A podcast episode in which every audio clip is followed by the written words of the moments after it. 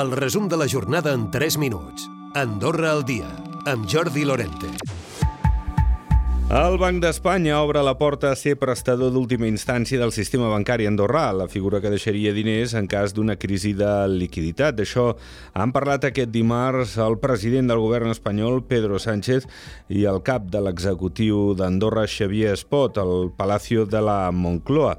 L'entesa en Brussel·les sobre l'acord d'associació reforça doncs, aquesta credibilitat internacional del país i aquest hauria estat el motiu, segons es desprèn d'aquesta trobada, del canvi de criteri del Banc d'Espanya. Escoltem Xavier Espot seguint una mica l'estela de la reunió que vam mantenir amb el governador del Banc de França per justament desencallar aquesta situació i trobar una solució que no és fàcil i que per tant no tindria sentit o en tot cas ni tan sols seria contemplable per part d'Espanya i França si nosaltres no fem el pas de decidir ser un estat associat. No? D'altra banda, la trobada amb Sánchez ha servit també per tancar un acord que ha de permetre ampliar la xarxa de subministrament elèctric. També Xavier Espot eh, s'ha reunit amb el governador del Banc d'Espanya, Pablo Hernández de Cos. I el Comú d'en Camp es mostra partidari d'ampliar l'abocador del Maià si fes falta. De fet, el Comú està disposat a assumir el cost, uns 300.000 euros, però vol que hi hagi una planificació en aquest àmbit. En parla la cònsol major en Campadana, Laura Mas. Nosaltres estem en la fase 1 de, de l'abocador, de, del Mallà, ja fins a 3-4 eh, fases i per tant el que volem és doncs, eh, saber quines són ja les reserves que ja tenim i a partir d'aquestes reserves quines són els projectes doncs, eh, de totes les eh, institucions, en aquest cas dels comuns, que volen executar durant aquests 4 mesos per, eh, 4 anys perdó, per saber doncs, quina és la planificació i si hem de començar l'ampliació.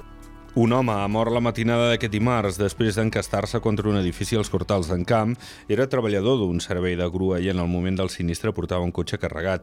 La policia continua la investigació, mentre els pagesos de Catalunya continuaran tallant les carreteres de Puigcerdà i Basilla fins aquest dijous. Tot i això, han obert la porta, aixecat les manifestacions abans, tot plegat en funció de la resposta que pugui tenir l'administració. De fet, els agricultors de la Cerdanya han començat aquest dimarts les marxes marxes lentes des de diversos punts fins a concentrar-se a Puigcerdà, al Pont de Llívia. També a Basella s'hi han concentrat un bon grapat de tractors provinents del Solsonès i un centenar de persones han tallat la C14. El Consell d'Administració de la CAS posa en coneixement del Ministeri Fiscal que durant anys es pagués de més a un grup de pensionistes d'invalidesa. L'empresa encarregada de l'informe forense els ha lliurat un avenç de l'informe que ha d'analitzar què va fallar. I valorar els 800 anys d'història parlamentària d'Andorra és l'objectiu d'una exposició que recollirà la història de la Casa de la Vall dins dels actes de commemoració del 31è aniversari de la Constitució.